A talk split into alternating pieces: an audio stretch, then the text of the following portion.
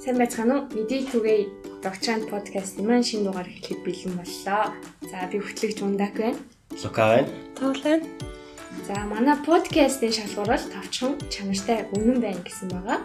За өмнөх дугаарт маань Токиогийн сургуулийн докторант бас манай хөтлөгч Лука маань зочноор оролцож хот төлөвлөлтийн тухай өөрийнхөө судалгааны талаар маш сонирхолтой яриа өрнүүлсэн байгаа. А энэ удаагийн дугаарт маань бас манай хөтлөгч химийн ухааны доктор Игдүүл маань оролцож байгаа. Сайн байна уу? Өөрийгөө танилцуулахгүй юу? За намайг Гант Төмрийн Ихтол гэдэг. Аа би Японы Осака их сургуулийг химийн инженерийн чиглэлээр сурч төгссөн байгаа. Аа тэгээд мастер болон доктор байх хугацаанд жоо химийн чиглэлээс арай өөр regenerative medicine буюу монголоор нөхөн цэргийг хангаах ухаан гэж орчуулж болох салбарын салбартай холбоотой эд эрхтнийг инженерчлэлийн аргаар гаргаа авах тухай судалгааг хийдэг байсан байгаа. Тэгээд одоогоор л Shiseido Group-ийн судалгааны төвд судлаачаар ажиллаж байгаа. Аа зүйтэй. За манайх жишг 3 асуулт асуудаг байгаа. Эхний асуулт болох туула яагаад энэ салбарыг сонгох болсон бэ? За яагаад энэ салбарыг сонгох болсноо хэлхийнхаа өмнө яагаад энэ нэг химийн инженерийн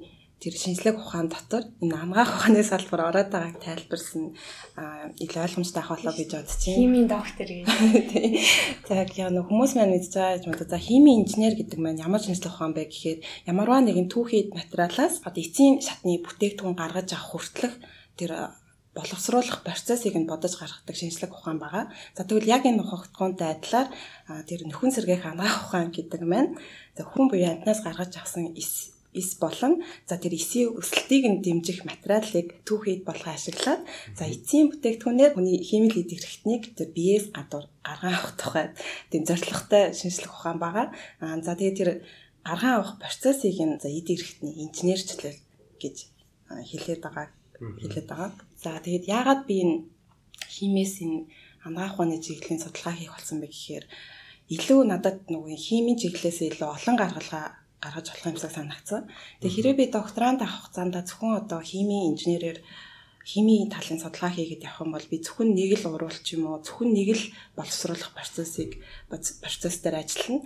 Аа харин энэ амгаах ухааны энэ одоо энэ шинэ салбарыг сонгосноор болохоор ирээд одоо ирээдүйдээ скол хамгаах руу орж орж байна. Аа тэгээд биолог тал за эм зүй гоо сайхны гээд маш олон салбар руу хөрвж болох аа тийм салбар юм байна гэж харсан учраас энэ салбарыг сонгож судалгаа хийсэн байна. Вау, айгу нарийн гүзгий. Ерөөс анхуутаагаа сонсож байгаа тийм салбар байна. Маш сонирхолтой санагдчихэв. Доктор судалгаа хийж байхдаа ямар сэдвэр, ямар туршилтуудыг хийж, ямар үр дүн гаргасан бэ? Аа. За, судалгааныхаа талаар бүр дэлгэрэнгүй явах юм бол яг модель эс гээд зөвхөн амьтнаас гаргаж авсан эсийг байгалийн гаралтай материалд оруулаад тэрийг хэрхэн 3D хэмжээстэй бит болгон гаргаж болох вэ гэсэн судалгаа хийдэг байсан. Товчхоноор хэлэх юм бол тийм. За мэдээж хүний бие чинь нөгөө өөрөө 3D хэмжээстэй бид 3D ертөнцид амьдарч байгаа тийм учраас тийм 2D юм хийх гэхээс илүү 3D хэмжээс бид тэр эсийг өсгөжөж тэр эс маань өөрийнхөө яг нөгөө эд эрхтнийхээ үүргийг гүцгээд яг эд эрхтэн болж хөгжиж чаддаг. За тхийн тулд за эсээ гаргаж авах талын судалгаа бол бас нэг салбар гэж болдог. За нэмээд миний хийж байсан судалгаа нь болохоор тэр материалын талын судалгаа болон 3D хэмжээст биеийг хэрхэн бүтээх үү гэдэг талаар судалгаа хийдэг гэсэн. За бүр жоохон тодорхойлоод гүнзгий хэлэх юм бол тэр материал талаас нь хүний эд эрхтэндний ихэнх хувийг болохоор ус эзэлдэг. Тийм учраас тэр химилийн эрхтэн маань ч гэсэн тийм усархаг материалаас бүрдсэн байх хэвээр. А тэр усархаг материал маань болохоор англиар хайдрожел гэж нэрлэдэг. Энэ маань болохоор байглаас зовромлаас ч юм уу амтнаас хүнээс гаргаж авах авсан тийм полимеруудыг ашиглаж хийдэг байгаа. Жишээлбэл одоо желатин гэдэг хүмүүс сонсон мэддэг баг. За гиалуроны хүчил гэдэг бас хүний биед оршдог полимер байгаа. Эдгээр юм байгалийн гаралтай бүтээгдэхүүнийг бүтээгдэхүүнийг ашиглаад за хэрхэн тийм усрахыг би бүтээгээ. За тэр дотор маань тэр эс маань хэрхэн хөгжиж, хэрхэн өөрийнхөө үйл ажиллагаа явуулж байх вэ гэдгийг талаас нь судалдаг байсан. За тэгээд тэр судалсан материал эсээ ашиглаад нөгөө 3D хэмжээстийг яаж бүтээх үү гэдэг талаас нь болохоор 3D биопринтер гэд нэрлэгддэг тийм принтерийг ашиглаж 3D хэмжээст биеийг хүссэн дизайнераа гаргаж авдаг байсан. За хүмүүс био принтер гэхээр бас гайхаж магадгүй. Энэ био принтер гэдэг маань яг маш олон дотор бол маш олон төрөл байдаг. Аа тэгвэл одоо бидний нөгөө өдөр тутам өдөр тутмын тий амьдралдаа хэрэгэлдэг зүгээр нөгөө нэг юм хэвлэхдээ хэрэгэлдэг принтертэй бол үндсэн зарчим нь адилхан. Аа тэгвэл илүү тийм нөгөө зөөлөн тийм усархаг материалыг принтлэх боломжтой принтерүүд байдаг. Тэгээд энэ принт иймэрхүү принтерийг ашиглаад За одоо жишээлбэл хүний хамарч юм уу тийм хөсөн дизайнераа тийм яг тийм эргэтэн шиг тийм цэлцэнсэн одоо битийг гаргаж авч судалгаа хийдэг гэсэн. Зөвхөн хэлбэрийн биш яг ингээд шинж чанарын ч гэсэн яг амьд биетэй ойролцоо байна гэсэн үг шүү дээ. Тийм. Яг хөө хэлбэр талаас нь гэдэг юм бол хэлбэрийг бол одоо нөгөө 3D принт мөрөнд хүссэн дизайнер принт болох гэдэг юм бол зөндөө гарсан шүү дээ. Тийм. Хүссэн дизайнер гаргаж авах болохоос хэмжээ хэмжээ хэлбэрийн хувьд бол асуудал ахгүй гол хамгийн гол чухал зүйл маань тэр ашиглаж байгаа материал маань эсэд ямар хор хөнөөлгүй байх уу а эсмэн тэр гаргаж авсан 3D хэмжээс дотроо өсөж чадах уу өөрийнхөө тэр одоо олон үйл ажиллагаа явуулж чадах уу гэдэг нь одоо энэ талын салбарын судалгааны жоохон хэцүү хүндрэлтэй асуудал байдаг. Сонирхолтой тий. Сонирхолтой. За За манай подкастын үндсэн 3 асуултын нэг маань л энэ салбар Монгол орны нөхцөлд ямар төвшөнд байгаа вэ гэдэг асуулт байгаа. За тэгээд тэр тал дээр ямар ч байд юм болоо. За яг энэ нөхөн зэргийг ангаах ухаан гэдэг энэ салбар маань дэлхийд дахинд ч өөрөө за баг 2000 оноос эхлээд хүчээ авч эхэлж байгаа тийм шинэ салбар байгаа. Тэгээд тийм болохоор ч тэр юм одоо миний мэдгээр лав Монгол хараахан одоо энэ талын судалгаа хийж байгаа лаборатори газар ч юм уу тийм судлаач бол хараахан байхгүй байгаа гэж бодож байна. Аа тэгээ цөөн хитгэн адилхан төрлийн судалгаа явуулдаг хүмүүс маань Америк ч юм уу бусад орнд байдгийг бол мэдх юм байна. Аа гэхдээ ирээдүйд одоо яг энэ салбарыг Монголд хөгжүүлэх ёстой гэж бод а миний хувьд өөрийн зүгээс бодож байгаа хоёр том шалтгаан байдаг. За нэгдүгээр нь гэх юм бол донор дутагдлын асуудал байгаа. За одоо яг зөвхөн манай Монгол шиг хүн ам зүйтэй газруудыг орондуудыг тий Япон, Америк гэх мэт маш олон хүн амтай оронд хүртэл энэ донорын дутагдлын нөгөө хүний эргэтэн шилжүүлэн сул хаалгаа хийхэд донор дутагдлын асуудал маш хурцтмал байдаг. За тэгээд ингод мандаа Монгол орн шиг бүр тэр тусмаа хүн ам цүүдтэй оронд хүмүүс маань нөгөө эргэтэн шилжүүлэх сул хаалгааг гадагшаага маш өндөр төлбөртөөр хийхээр хийлэхээр явдаг шүү дээ. Тэгээд тийм тэгээд дээрээс нь донор одоо тэр гадаад хүний тэр донор тий гадаад хүнээс авсан хэрэгтэй байна. Тийм хүний бид ямар сөрөг нөлөө үзүүлэх вэ? Ямар эсрэг үйлдэл үзүүлэх вэ бас мэдэхгүй. Тийм ч учраас ер нь ирээдүйд за мэдээж дотоод эргэтэн шийдвэрлэх хаалгааг амжилттай хийхийг мэдээж хийх хэрэгтэй. А тэгвэл дээрэс нэмээд түнтэй яг зэрэгцүүлээд ийм химэл хийх хэрэгтэн лабораторийн аргаар гаргаж авах тухай хийгээд явах юм бол за ирээдүйд хүмүүс маань гэж гадагшаа маш өндөр төлбөрийн хаалгаа хийлэхээр явахгүй байх боломжтой гэж үзээд байгаа. За хоёр юм шүү дээ. Тэгээд хоёр дахь шалтгаан нь болохоор яг энэ гаргаж авч байгаа хиймэл эд хэрэгтэй маань зөвхөн нөгөө нэг хүний бич хилжүүлэн суулгах зорилготой бол биш.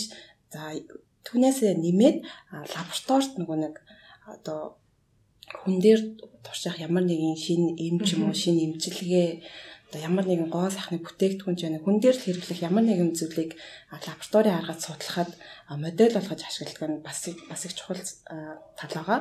Аа тэгээд тэгэхээр манай Монгол маань за хэрвээ дотооддоо ямар нэгэн шинэ эм зүйл бүтээлээ эсвэл за ямар нэгэн хорт хавдрын эмчилгээг анхны удаа тэр хүн дээр туршиж байгаа бол тэр хүнээс нь эсийг нь аваад хэрвээ лабораторид ингээд өрчлөж судалгаа хийх юм бол гарах эерэг болон сөрөг үр дагаврыг мэдэж болох нь маш том давуу тал болно. Тийм ч учраас яг ийм хиймлэлд хэрэгтний модель хийх гэдэг энэ салбарыг бас ирээдүйд бол манай Монгол улс маань бас хөгжүүлэх ёстой гэж бодож байгаа. Тийм ээ тий. Санал нэг байна.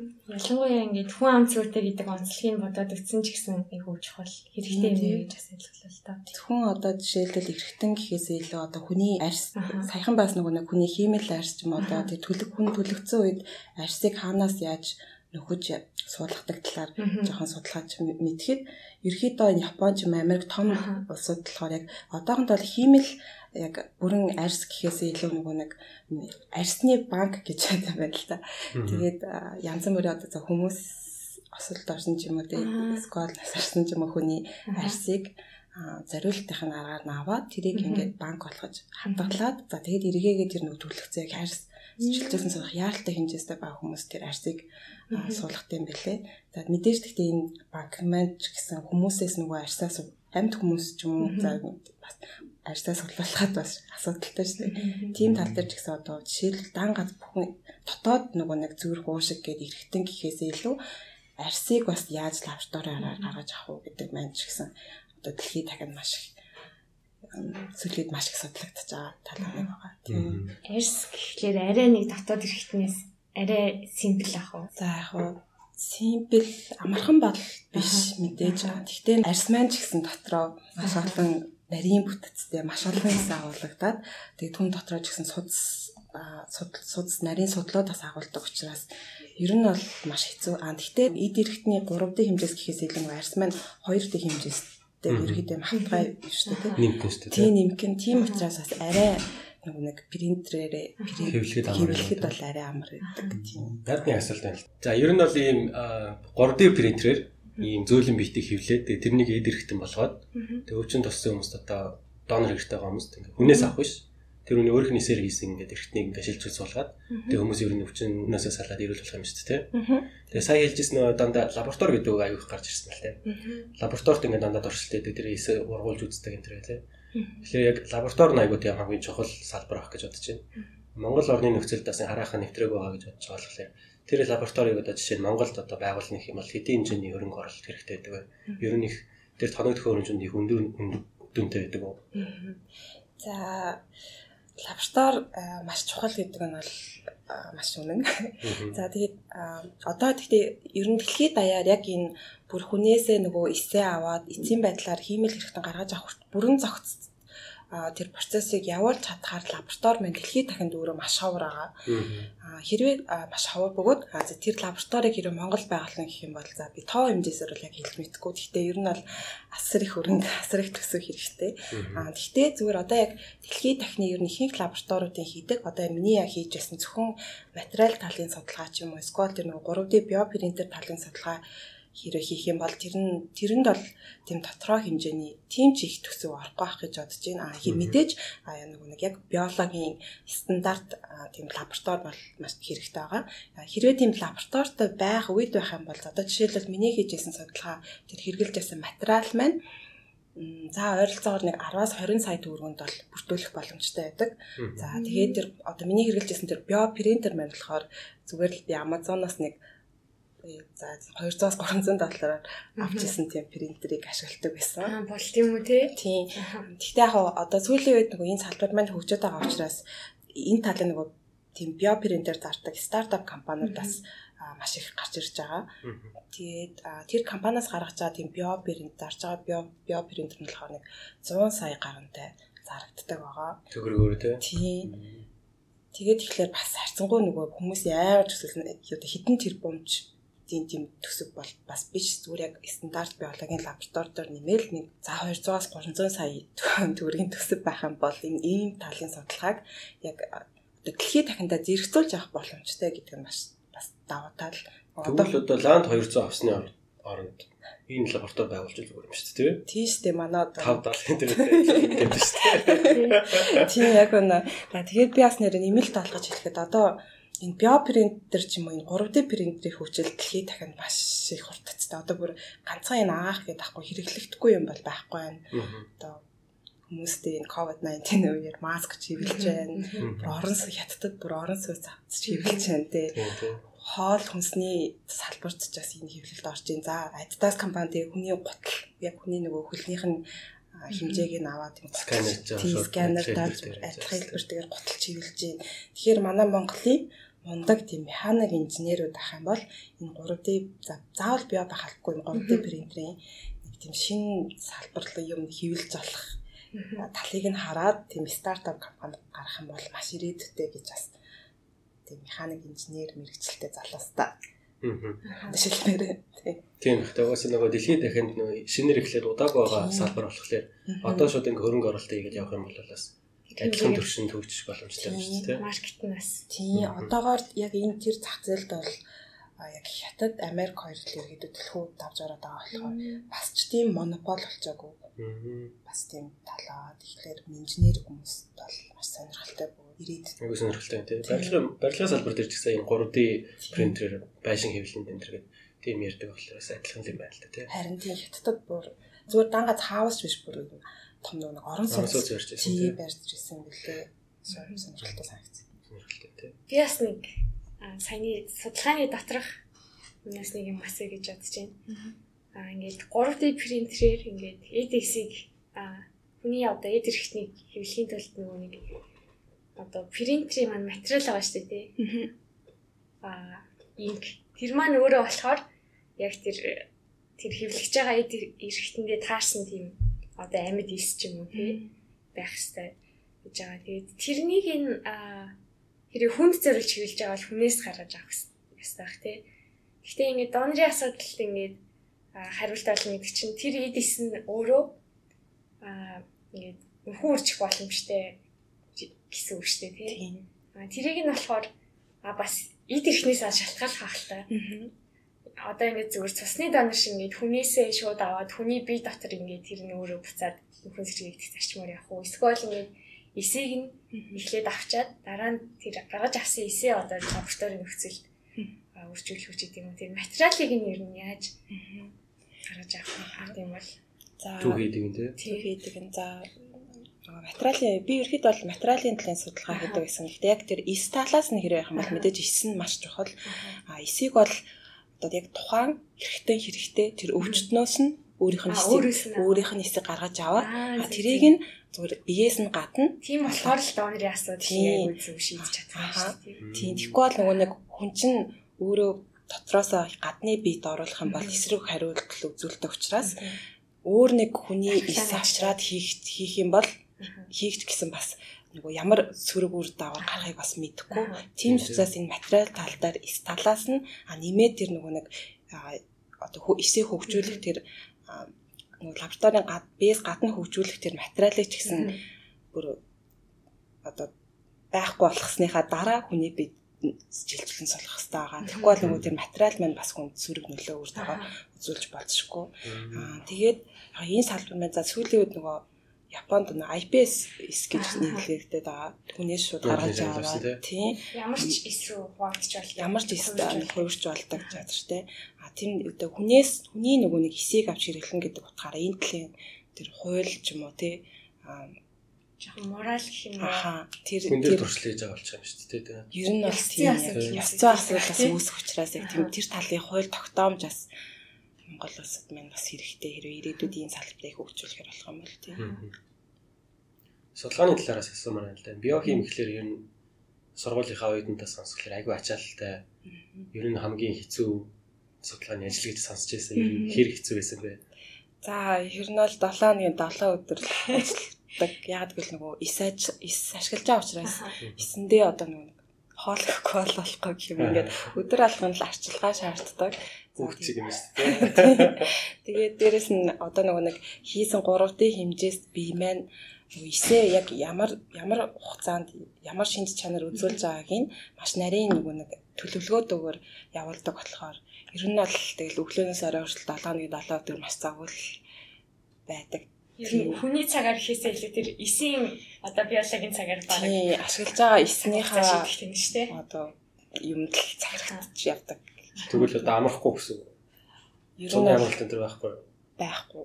Тийм үү. Тэгээд хэдэн жил таны хэдэн жил? Скол бүр ингэ үрчээд алхаж байсан. Тийм бас амармаар шүү. Ер нь биологийн судалгаа явуулдаг хүмүүс маань ер нь бол амралт болтно гэдэг бол маш хэцүү. За ер нь гэхдээ яг судалгааныхаа төрлөөс нь л хамааралтай. Аа миний хувьд бол бас шинэ жил нэлийн тийм онцгой амралтын үеэр л 3 4 хоног амарна. Гэхдээ ерөөсөө тэгэж бас лабораториос нөгөө хол лабораторид хинч үлдэж үлдэхгүйгээр тэгж хөнгөөгөр үлдээх асуудал маш хүндэдэг болохоор. Тийм баг тийм. Тийм ер нь бол баг л амар. Гэтэ тэр хэмжээгээр бас аюу сонирхолтой салбар гэж ойлгож байна.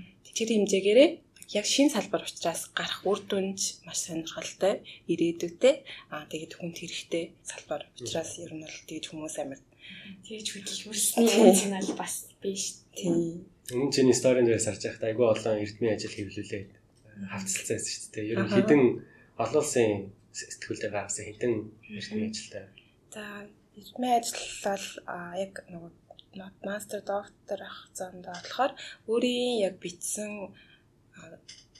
эрдмийн ажил гэх юм бол дөрвөн эрдмийн ажиллагаа олон улсын оролцсон бас байгаа юм тий. Тий, оролцсон бас байгаа мөн нөгөө лаборатори маань бас нөгөө хүмүүс хоорондоо нийлж туршилт хийдэг ч юм уу эсвэл нэг нь туршилтаа хийгээд нэг нь нөгөө эдмийн ажил минь бичдэг зүйлүүд бас байдаг. За олон улсын олон улсын судлаачтай хамтарч бас гаргадаг эдмийн ажлууд бас байдаг учраас тэр тэр нийлэх юм бол нийлээ за нэг 7 8 эрдмийн ажил одоогоор тийм доктор яг төгсөхдөө бол гаргасан юм. Тэгвэл 3 жилийн дотор 7 8 ажил хийлсэн юм шүү дээ. Тийм яг тийм бас яг би мастер нэг жилээр сурч төгсөжсэн. Тэр хугацаанд бас адилхан дуу туршилт хийдэг ус учраас тэр үр дүн маань бас багцсан байгаа. Гавшгаа биш бай. За жоохон хүн болгон уншихад л хэцээхлаа. Гэхдээ ингээд би бас сая юу подкаст бичгээд ирж явах замдаа инхтол гээд Google дээр үзэхээр айгүй олон эрдэм шинжилгээний ажил шууд ингээд англиар гарч ирж байгаа. Тий. Оо nice. Тэрийг харахаар л бахархах сэтгэл бас төрсөн нуух юм аа. Баярлалаа. Тэгээд докторант подкастын гац доктор. Тэгээд доктор болтож яваа хүн байгаа. Баярлалаа. Би тэгээ яг нэг хүмүүс бас эрдмийн ажил гэхээр жирэнтэй хүмүүс нэг мэддэг байх гэж бодоод байдаг. Тэгээ хүмүүс маань одоо өөрийнхөө сонирхсан салбарынхаа тийм олон улсын одоо журнал тий сэтгүүлүүдтэй хэрэг үзээд үзэх юм бол маш сонирхолтой мэдээллүүд зөвхөн энэ анаах ухаан ухаан биш маш олон салбараа маш сонирхолтой мэдээллүүд агуулгадж байдаг учраас доор аж nature гэд маш алдартай сэтгэл байгаа юм. Шүслэх ухааны өргөл тэр сэтгүүлийг бас сонь сайхнаас нь уншиж байгаасай гэж бас уриалцмаар байна. Тэр сэтгүүл дээр ер нь ажиллаа хэвлүүлэе гэж боддог уу? Өө мэдээж бодно. Одоо ч гэсэн тийм нийтлэл бас. Яг мэдээж тэрнээс дээш том сэтгүүлүүд ч байдаг л та. Гэхдээ тэр нь бол ихэнхдээ айгүй гүнзгий ангаах ухааны бүр мэрэгжлийн бол бүр мэрэгжлийн нөгөө инженер маань гаргадаг сэтгэл учраас. Бид нэр ойлгоод уншаад бараг ойлгох. Одоогоор зүгээр инженер хүмүүсийн наах удаа харж. Одоогоор яг нөгөө инженер хүмүүсийн маань хувьд бол маш хамгийн том сэтгэл маань тэр nature гэдэг сэтгэл байгаа. Тийм. Манай подкастыг ийм судалгаа хийдэг ийм graduate оюутнуудаас их сонсож байгаа гэж бодож байна л та. Ийм богино хугацаанд дотор ийм олон пейпер хийлүүлэх харахгүй тийм үсэл нууц гэдэг юм уу тийм зөв зөвлөгөө хийлж байгаа. Гэтэ аа за тэгэхээр нөгөө эрдмийн ажлын за хэвлүүлсэн эрдмийн ажлын тоо гэдэг нь яг ерөнхийдөө ямар судалгаа явуулж байгаасаа шаарддаг бах. За зарим судалгаа нь бүр 4 5 жил судалж иж нэг эдмийн ажил хийлдэг ч юм уу. Одоо үр дүн маш бага гардаг. За миний энэ хийжсэн судалгаа маань бас өөрөө нэг шин салбар дээрээс нь тэр нөгөө материал талын судалгаа илүү нөгөө нэг богино хугацаанд хэрэв өөрөө л их ажиллаад ах юм бол богино хугацаанд үр дүн гарах боломжтой тийм судалгаа ясан учраас тэрэндээ бас үр дүндээ айгу богино хугацаанд гаргаж байгаа тэрэндээ урамшаад тэгээд олд ингэж нөгөө эзэм ажлуудыг хэвлүүлж ирсэн. Тийм. Цагаа сайн зохицуулах төлөвлөгөө гаргах хэрэгтэй юм шүү дээ. Тийм, цаг төлөвлөлт гаргах хэрэгтэй. Судалгаагаа хэдийд нь хийх үү? Хэдийд нь тэр судалгаанд анализ хийх үү?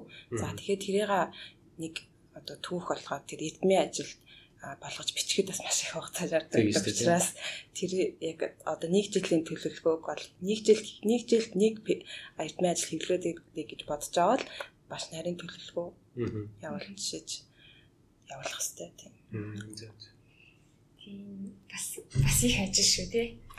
Зөвхөн ингээд судалгаа хийгээ өөртөө гаргах ш тэрийгээ яаж илэрхийлэх вэ гэдгээс хамаарат одоо үнэхээр тэр одоо олон улсын сэтгүүл бүлийн зөвшөөрөгдөх үү би. Тэгэхээр зөвхөн бас яг судалгаа хийхээс гадна бас яг бичих ч юм уу илэрхийлэх ч юм уу тий. Тэр олон өөрт нутраас алийг нь ингээд илүү чухалчилж танилцуулах бас Айгүй их бодох юм ийм юм шиг. Тэгээ бас нөгөө эрдмийн ажлын нууцлаг ер нь бол хэрвээ бүр нарийн гүнзгий судалгаа бол бас хэцүү байдаг баг. Гэхдээ тэр адил мэрэгжлийн хүн биш а өөр мэрэгжлийн хүн исэн ч ойлгомжтой байхаар бичих хэрэгтэй байдаг. Тийм шүү дээ. Тийм тэгэхээр одоо ямар ч эрдмийн ажилтай ямар ч хүн исэн л тэндээс ямар нэгэн мэдлэг олж авах. Вау гэх юм. Ямар гоё юм хийсэн бэ гэж бодож байна. Тийм гоё мэдлэг авсан мэдрэмж гэдэг аахгүй. Гой гой юу ажил уншил ярьж гоё ядчих шүү дээ. Тийм бас сонирхолтой сонирхолтой. Өөрийнхөө хэрэг зөвхөн гэдэг мэдэрдэж шүү дээ. Докторд амар амар юм. Иргэн өндөр маа яах вэ гэдэг. Аа Туулаасаа бас нэг асуулт асууя гэж бодож байна. Одоо энэ подкастыг сонсоод сууж байгаа хүмүүс татар ч юм уу магадгүй ингээд ирээдүйд бас судалгаа шинжилгээний ажил хийх, ялангуяа байгалийн ухааны салбарт ингээд ороод явна гэж бодож байгаа бас оюутан ч юм уу сурагч түнэр маань байж магадгүй. Аа тэднэр зориулаад аа одооноос эхлээд юун дээр анхаарсан дээр байж гэх юм уу? Ямар зөвлөгөө өгөх вэ? За одоо яг тэр шинжлэх ухааны салбар руу хэрэг ирээдүйд бүр гүнзгийрэл сурах гэж бодож байгаа хүмүүс байх юм бол юуны төрөнд одоо яг тэр ямар салбар руу явах вэ гэдгийг шийдэхийн тулд зүгээр одоо бүр өлөг болсон тийм салбарыг битгий сонгоосэй гэж хүсэж байна. Маш том шин салбар одоо шин судалгааг ирж хайж олоод тэрийгэ судлал бас тэр хүнд өөрт нь ч гэсэн сонирхолтой байх бөгөөд илүү ирээдүйтэй байх болно. Тэгэхгүй бол өөр ингээд альтын ихэнх нь бүр судлагдаад мэдэгдсэн юм салбар руу яваад орчих юм бол нөгөө шин зүйл олоод олж авна гэдэг бол маш хэцүү байх болно. Тийм учраас шин салбар хайж олох хэрэгтэй. Тэрийг хайж болохын тулд маш их тийм шинжлэх ухааны холбогдлолтой мэдээ мэдээлэл юу юм те тэрийг өдөр тутамдаа уншдаг ч юм уу тийм заршилтай болгол дээр авах гэж бодож байна. За тэгээд бас дээрэс нь нэмээд мэдээж тийм эрхүү мэдээлэл унших юм бол тэр нь монгол хэл дээр байх байна гэдэг бол байхгүй байх тийм. Тэгэхээр олон талын мэдээлэл авахын тулд хэл хэлээ бас сайжруулах хэрэгтэй. Англи хэл гэсэн үг. Тийм англи хэл сайжруулах маш хэрэгтэй юм. Тэр нь мэдээлэл сайтай байх тэгээд хэлээ сайжруулах гэдэг бол нэлээд чухал юм гэж ойлголоо. За их гоё үнэтэй зөвлөгөө байлаа баярлалаа. Би ч гэсэн хичээнэ. За ингээ өнөөдөр гоё сонирхолтой яриа өрнүүлж шинээр ингээ үсээ дуудааг байгаа салбарын талаар гоё мэдээлэлүүд өгсөн. Туулдаа баярлалаа. Айгу олон пейпер эвлүүлсэн байна. Баяр хүргэе. Тэгээ дүүнэртээ бас гоё зөвлөгөө өгсөнд баярлалаа. Дараагийн дугаарт маань бол бид нэр бас манай 3 дахь хөтлөгч Ундак маань орохоор байгаа.